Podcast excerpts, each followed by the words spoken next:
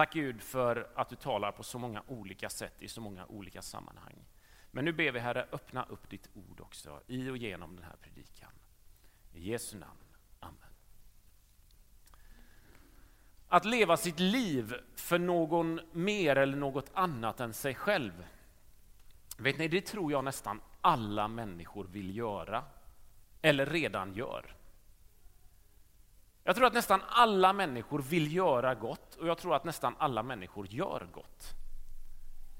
Ibland kan man i kyrkan få för sig att leva sitt liv för andra människors skull, att det är enbart en kristen tanke och handling. Och Naturligtvis så finns det mycket i den kristna tron som, som talar om att det är rätt väg att gå. Men det här finns nästan i alla rörelser, i alla sammanhang där man följer någon form av ideologi. Man ser det i de politiska partierna som i månader pumpat ut vad de själva står för och vad andra inte står för.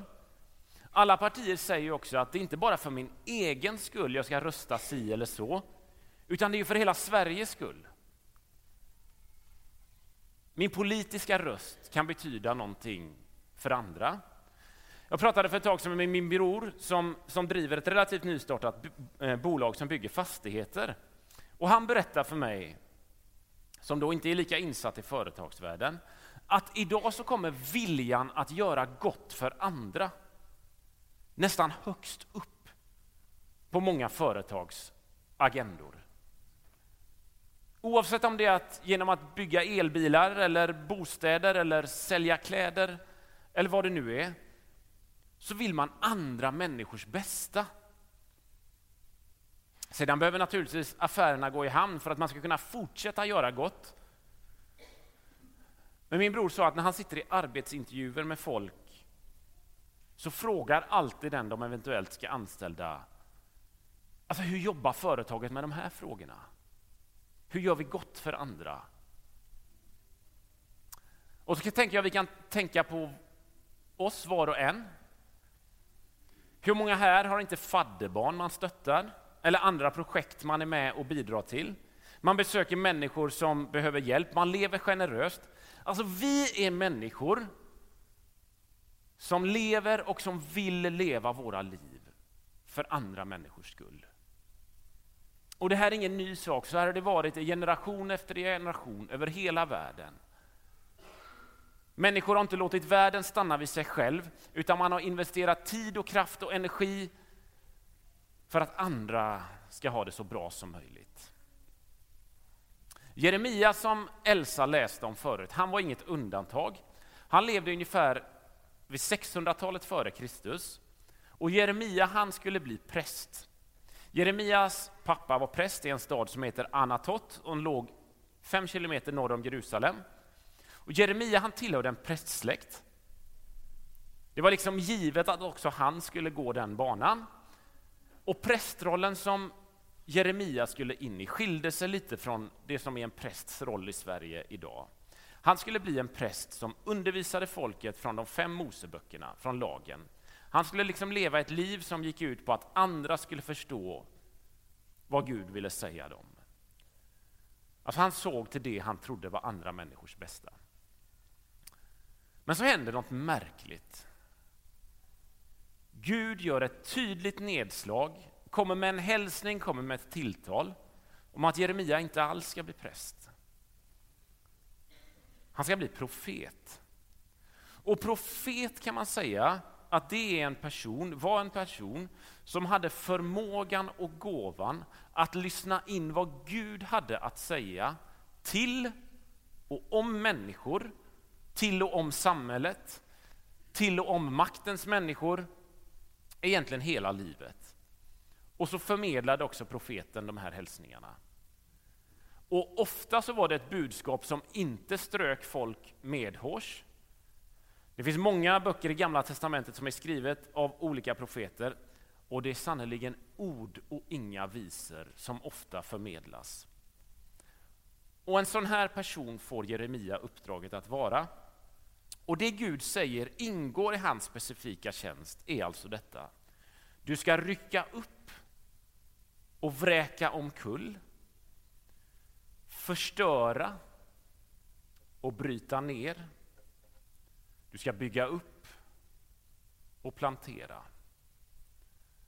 Tänk att det inte är konstigt att Jeremia kan känna en tveksamhet och en oro inför det uppdraget.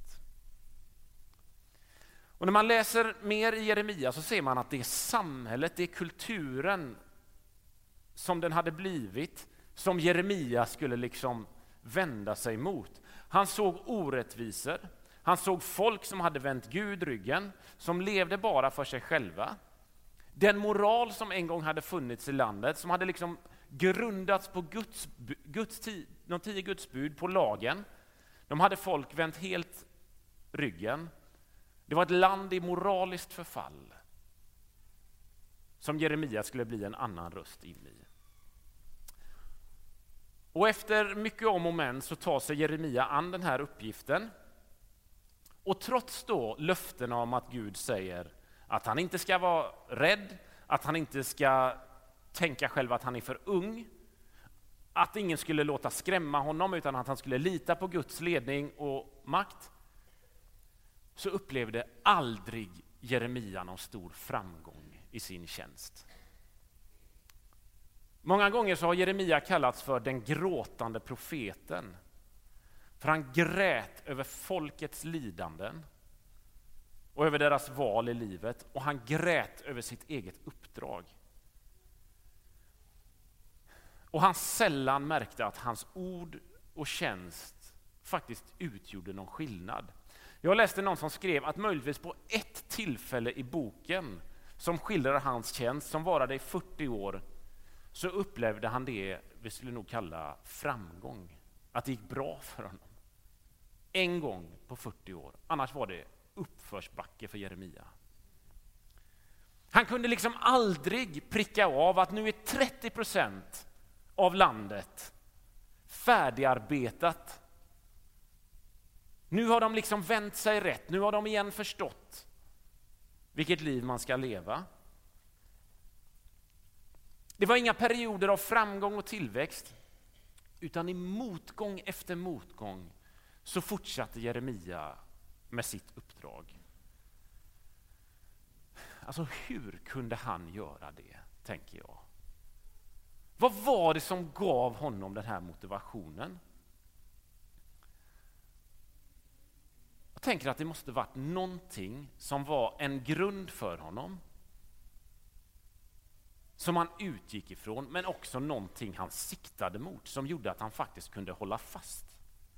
Och när man läser Jeremias bok så förstår man att den kallelseberättelsen som Elsa läste ligger till stor grund för hela hans tjänst.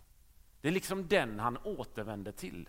Att han fick veta från Gud själv att han var kallad till någonting större, någonting mer än en karriär som präst i templet. För Gud såg att det fanns ett helt land som i tid och otid behövde bli medvetna om att de vandrade i fel riktning. Jeremia fick en kallelse att verkligen leva sitt liv för ett helt lands skull. För att de skulle vända tillbaka till Gud. Och Jeremia hade gjort sin läxa. Han hade klart vad som liksom var fundamentet för sin profettjänst. Det att han hade fått den här kallelsen. Och så höll han fast i det. Det är som att han var driven av en vision. Och trots att allting talade emot honom, att han borde göra det, så fortsatte han. Han höll fast. Han var övertygad om att Gud hade gett honom, ett, gett honom ett sammanhang att finnas i, ett uppdrag att leva för. Och då mätte han aldrig sin karriär i framgång. I antal omvända människor och tacksamma ord från de som bestämde i landet. I början av 1900-talet så flyttade Charles de Foucault till ett litet bergsområde i Algeriet nära Sahara. Charles var präst, han var trappistmunk från Frankrike och han flyttade till den här karga naturen för att be och för att missionera för tuaregerna, folket som fanns där. Och Charles har efter sin död blivit uppmärksammad för att han skrev en del böcker, en del texter om, om mystik och kontemplation. Annars var hans liv ingen lätt historia. Man har hittat utdrag från hans dagböcker. Och texterna vittnar om en kamp och ett lidande och att han aldrig såg någon framgång i att vinna människor för Gud. Han levde långt ifrån familj, från tidigare sammanhang, fanns bland människor som levde på ett helt annat sätt än han själv. Han var ensam. Och i mitten på första världskriget så blir han av misstag skjuten i huvudet till döds. När han höll på att hjälpa några personer. Men inte heller Charles, precis som Jeremia, gav upp. Alltså trots att jag, och jag tror många med mig, hade liksom packat ihop mina saker därifrån sedan länge om jag ens hade fått uppleva bråkdelen av motstånd av vad Charles fick, så höll han fast. Och det märkliga är att trots att Jeremia aldrig lyckades med sitt uppdrag under sin levnadstid, så blev han den, vad många säger, är den mest betydelsefulla profeten i Gamla Testamentet. Och en av anledningarna är att han under en mycket tuff period och utan att konkret se resultat höll fast vid Guds luften och Guds uppdrag för honom. Till Charles i bergen i Algeriet så kom det aldrig några tidningar och skrev om någon framgång. Charles fick aldrig predika på de stora kristna konferenserna. Trots att han aldrig såg en enda person omvända sig till Gud så fick hans liv och den mission som fortsatte i området där han levt efter hans död bidra till en enorm väckelse och att massor av människor fick lära känna Jesus. Men han fick aldrig se det med egna ögon. Utan att tjäna en krona på det, utan att bli populär bland folket, utan att kunna sola sig i glansen ihop med makthavarna, så valde både Charles och Jeremia att fortsätta med sina uppdrag. Gång på gång så påminner Jeremia folket om vägen de valt och att de behövde vända sig tillbaka till Gud. För deras skull, för andra människors skull. Charles matade på i tystnad, han bad sina timmar varje dag. Han levde med ett folk som inte var hans. Det här är två personer som levde sina liv för andra människors skull. Och tvärt partier som vill att vi ska också leva så, men med deras ideologi och värderingar i ryggen, eller företag som vill göra gott för andra men ändå gå med ekonomisk vinst, så kom aldrig kvittot för Jeremia och Charles. Att de lyckades genom uppmuntran att omvända människor. Det fanns en annan grund i livet för dem, en framgång. Nämligen de ville leva sitt liv för andra människor utan att kräva någonting tillbaka. Om en liten stund ska vi fira nattvard. Och det handlar ju om att minnas och ta del av någonting som en person gjorde för hela världen utan att få någon vinning eller framgång i det. Även om Jesus visste att gå den vägen som Fadern tänkte för honom skulle kosta honom livet Genom att bära hela världens synd och lidande så vek han aldrig bort från den vägen. Och det sista han ropar ut innan han tar sitt sista andetag är det är fullbordat. Alltså jag är färdig med det jag sändes till för världen att göra. Nu har jag genom min död försonat Gud och människa. Ja, Jesus lyckades, men det är ju egentligen någonting hans lärjungar förstår efter hans avrättning och efter hans uppståndelse. Och priset för att Jesus skulle lyckas var hans eget liv. Jeremia, Charles de Foucault och Jesus. Tre exempel där man levt sitt liv för andra människor utan att förvänta sig någon vinst. Och så kommer ju du och jag in i den här bilden. Hur ska vi förhålla oss till de här berättelserna? Alltså ska det här vara inspirerande och storslagna berättelser för oss? som nog redan lever våra liv för andra människors bästa? Eller hur ska vi tänka kring det här? Är deras sätt att leva någonting vi borde ta efter? Alltså borde också vi bli gråtande profeter, ensamma missionärer på avlägsna platser? Ska vi bära andra människors misslyckanden och smärta? På ett sätt, ja. Alltså jag tror att de här kallelserna också drabbar folk idag. Kallelsen att bli missionär för människor som inte tror på Jesus. Kallelsen att stå upp för Guds väg i en tid när det inte är det enklaste. Och anar du att du är en person som bär på den kallelsen, då ska du veta att de orden Jeremia fick till sig också är till dig. Gud sa, gå dit jag sänder dig. Säg det jag befaller dig. Låt dem inte skrämma dig. Ty jag är med dig och jag ska rädda dig. Gud är med dig.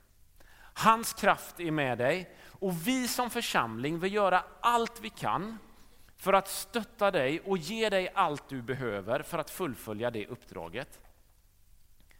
Men samtidigt så tror jag inte majoriteten av oss kommer leva våra liv på det sättet som Jeremia, som Charles och till viss del Jesus fick göra. Utan jag tror att utmaningen till oss är att leva ett liv för andra människors skull. Den utmaningen finns mitt där vi finns. Alltså troligtvis behöver vi inte gå särskilt långt för att vara den sortens människor i vår skola, på vårt jobb, bland grannar, familj och vänner så ligger den här möjligheten och den utmaningen.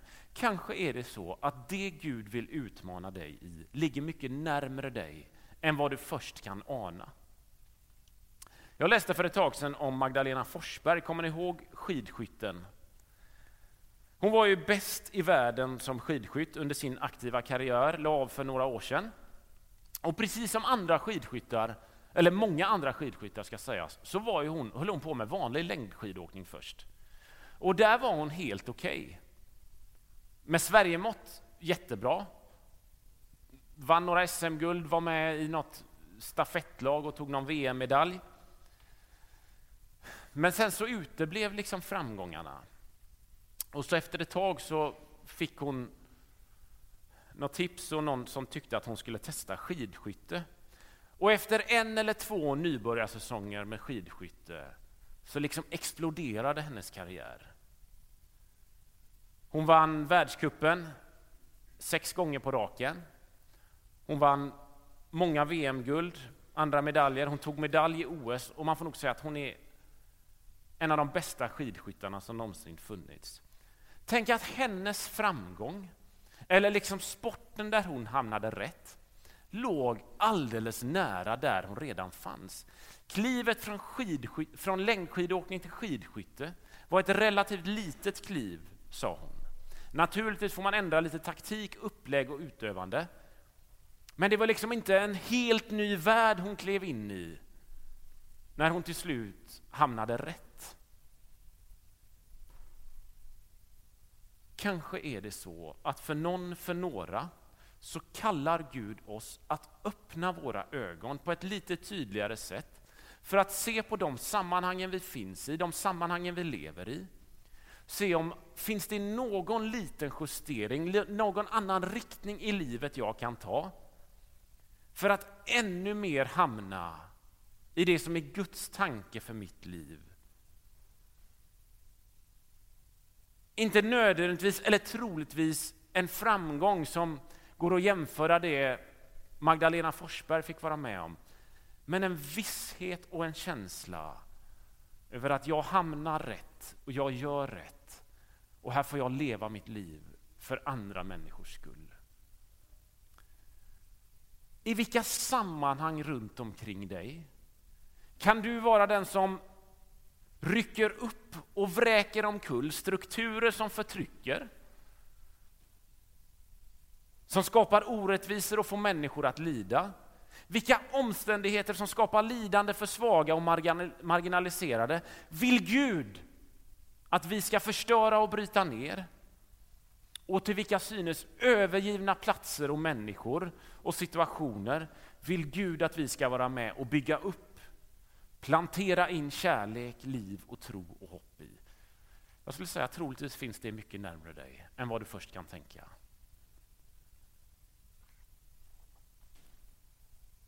Och inför den utmaningen, inför de situationerna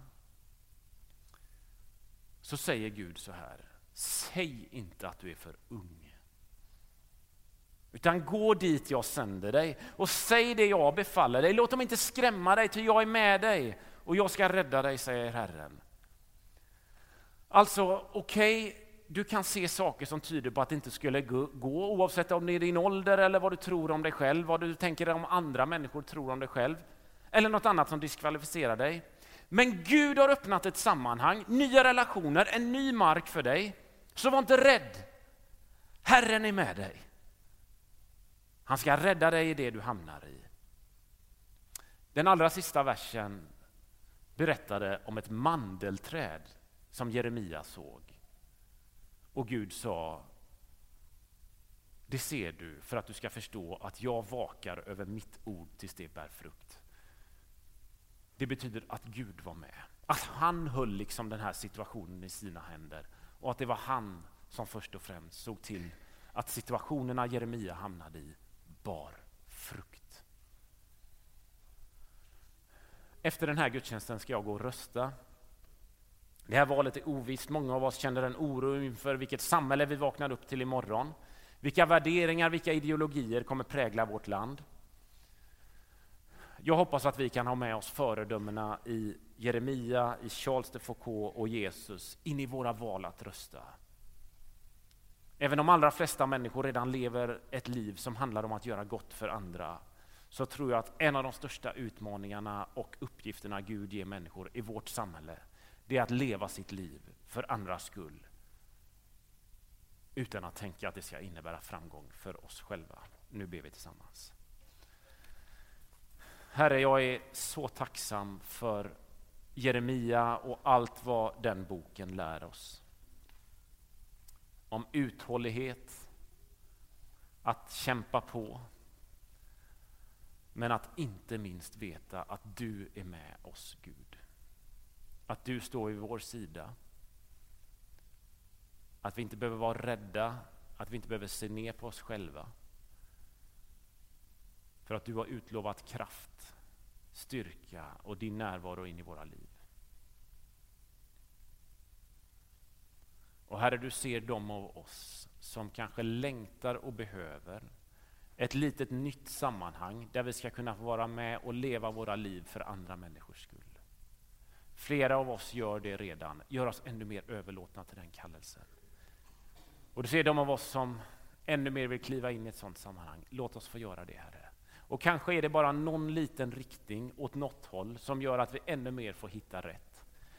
Ge oss öppnade ögon, Herre, så vi ser den vägen du tänker för våra liv. I Jesu namn.